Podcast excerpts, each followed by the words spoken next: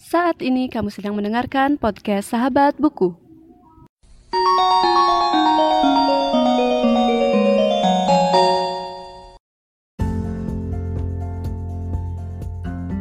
Halo semuanya dan selamat datang kembali di Sahabat Buku Udah lama nih nggak update jadi sekarang aku mau update Episode kali ini dengan membicarakan uh, pengalaman aku waktu baca buku Inggris klasik Jadi uh, beberapa hari yang lalu aku uh, ngobrak-ngabrik nih. Ngobrak-ngabrik uh, perpustakaan kecilku dan nemuin satu buku yang ternyata sampai sekarang aku belum selesaiin gitu. Judulnya Emma uh, karya dari Jane Austen. Nah ini novelnya pakai bahasa Inggris dan termasuk agak ribet ya bahasanya gitu dibandingkan dengan novel bahasa Inggris kayak Twilight ataupun Harry Potter menurutku sih ya karena emang dari budayanya sendiri itu beda banget karena kan uh, kayak kalian kak buat teman-teman yang belajar uh, sejarah sastra Inggris ataupun sejarah Inggris pasti tahu kan perbedaan bahasa Inggris zaman dulu dan zaman sekarang nih kayak gimana.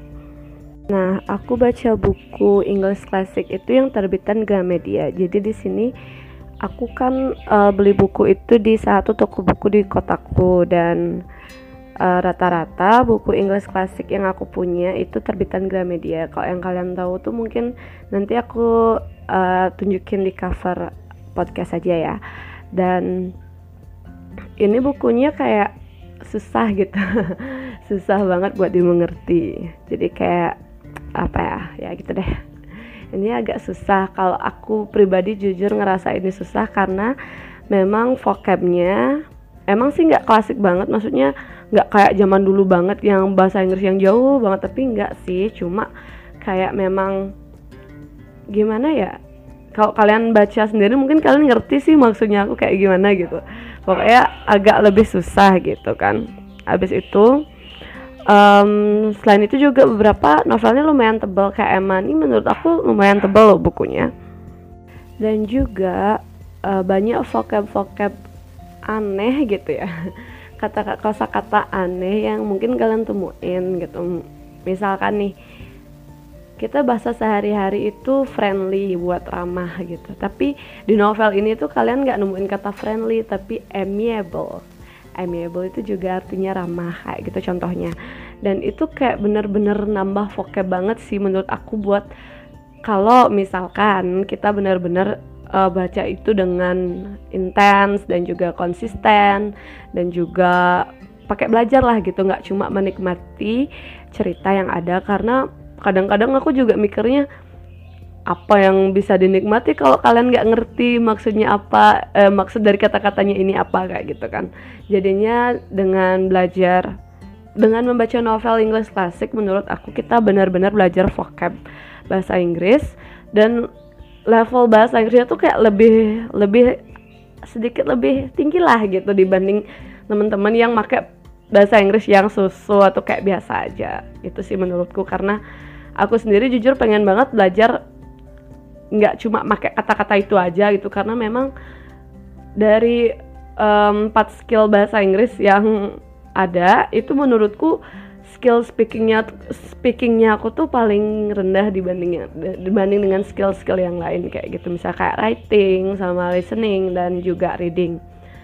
Jadi itu benar-benar ngebantu banget buat teman-teman yang um, pengen uh, Inggrisnya lebih level up gitu ya.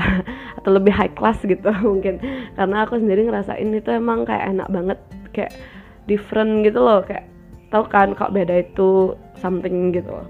nah dan aku bacanya itu jujur lama dalam artian kalau aku baca novel Indonesia itu seminggu pasti ya kayak aroma karsa aja nggak bukan gimana yang 700 halaman itu masih bisa dijabanin seminggu doang kayak gitu. Masih bisa uh, dibaca dalam waktu seminggu deh maksimal dah tuh bisa lah. Apalagi kalau lagi free banget itu sehari bisa 10 bab kayak gitu kan. Tapi buat teman-teman yang mungkin bahasa Inggrisnya belum terlalu bagus kayak aku gitu ya karena ya berbagai faktor dan lain hal intinya masih so-so banget gitu jadi novel English klasik ini menurut aku sih salah satu cara terbaik buat kita belajar yang namanya vocab vocab baru. Eh maksudnya kosakata baru. Kebiasaan pakai vocab sih harusnya nggak boleh kayak gitu. Karena nggak cocok sih. Nah gitu. Misalkan kayak tadi tuh kan amiable sama friendly gitu contohnya. Dan masih banyak banget yang kalian bisa temuin di novel novel English classic. Apalagi kalau kalian punya Oxford Dictionary. Nah ini kayak berdampingan gitu loh. Jadi di satu sisi kalian bisa nemuin ceritanya masih uh, yang menarik dan juga menegangkan terkadang di beberapa novel. Dan juga kalian bisa belajar vocab dan juga budaya bahasa eh, budaya Inggris di zaman dulu. Kayak gimana ya? Buat teman-teman yang suka belajar sejarah juga menurutku seru banget kalau kalian suka baca novel Inggris klasik. Aku udah nyelesain beberapa novel dan itu tuh kayak aku nggak bisa baca. Kalau nggak fokus tuh aku bener-bener nggak ngerti ceritanya gitu loh. Dan aku sampai beberapa kali nonton filmnya juga buat nambah apa ya kayak bantuan eh, sebagai bantuan untuk berimajinasi gitu. Karena kan kita nggak tahu zaman Inggris dulu tuh kayak gimana gitu. misalkan kayak uh, Pride and Prejudice itu yang buat aku bener-bener tertarik sama English Classic karena gimana ya waktu aku semester 3 aku dapat pelajaran Introduction to Literature. Dan itu pelajaran yang kayak tentang sejarah Inggris gitu sejarah sastra Inggris. Pokoknya yang berbau sastra Inggris lah gitu. Dan banyak hal yang aku dapetin dari sana. Contohnya sebelum aku dapet pelajaran itu aku udah nonton film uh, Queen Elizabeth The Golden Age yang itu pemainnya cantik banget. Ya itu deh aku lupa pokoknya yang kayak gitu deh gitu. Aku udah nonton itu juga aku udah nonton film apa ya yang terakhir dibilang ya? Pokoknya ada deh gitu film yang yang melatar yang menjadi latar belakang dari sejarah sastra Inggris itu juga itu yang maksudnya ada hubungannya lah dikit gitu. Dan aku nggak terlalu ngerti kan gitu kok kayak gini? Oh ya yang kayak yang pakai baju itu baju-baju zaman klasik itu loh pokoknya apalah. Aku aku bisa ngebayangin tapi aku nggak bisa ngomongin di sini aku kayak lupa gitu loh. Nah kayak gitu misalkan. Jadi um, back to the topic. Dengan kita belajar itu kan nah kebetulan aku dapat nih mata kuliahnya gitu.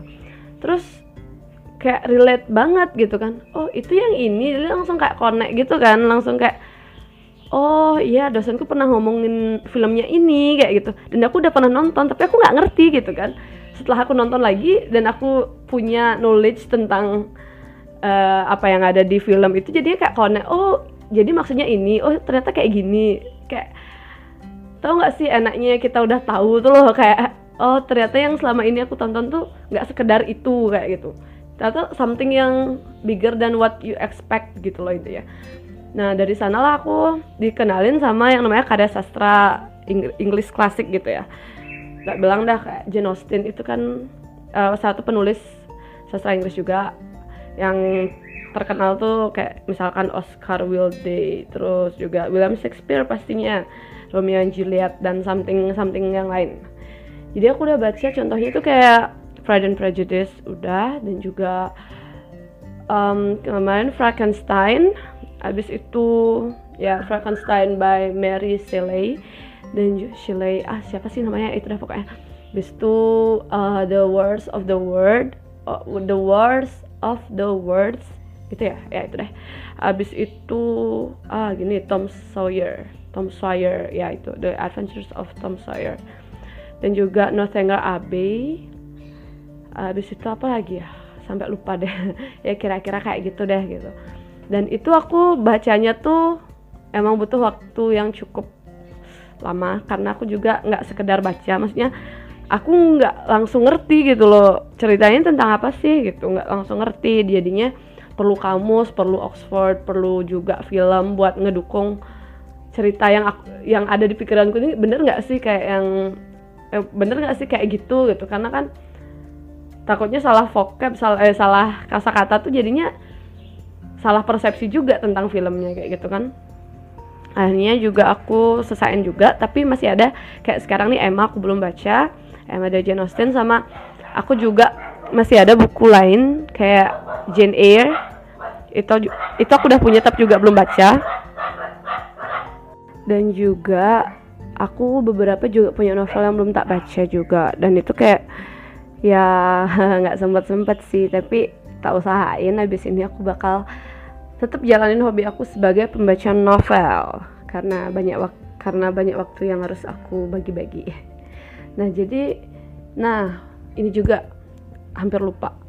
Aku baca novel itu selain lama, aku juga perlu bantuan audiobook atau audiobook atau buku suara apa.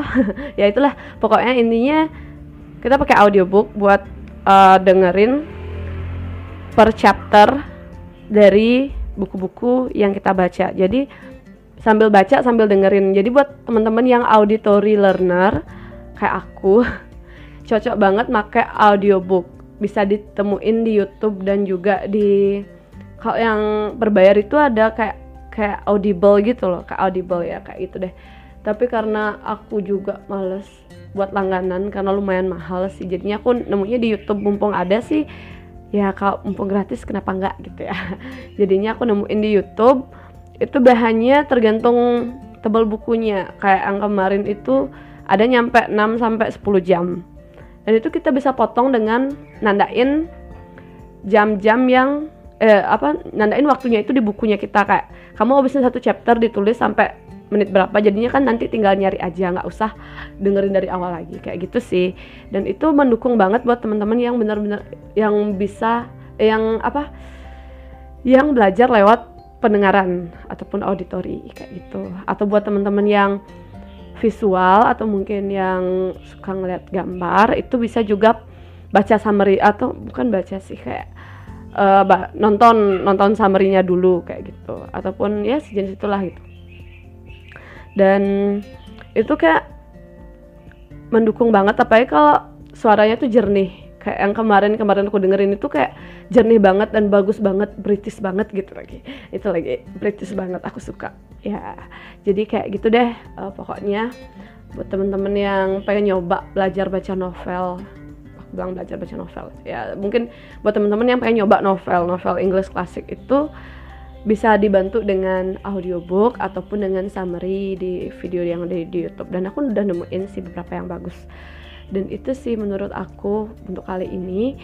Dan semoga bermanfaat buat teman-teman yang uh, sampai saat ini tetap setia dengerin podcastnya aku.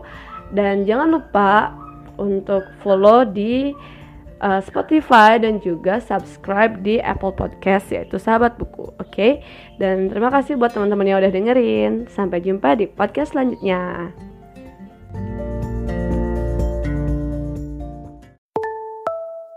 Terima kasih sudah mendengarkan podcast Sahabat Buku. Bagi pengguna Spotify, jangan lupa follow.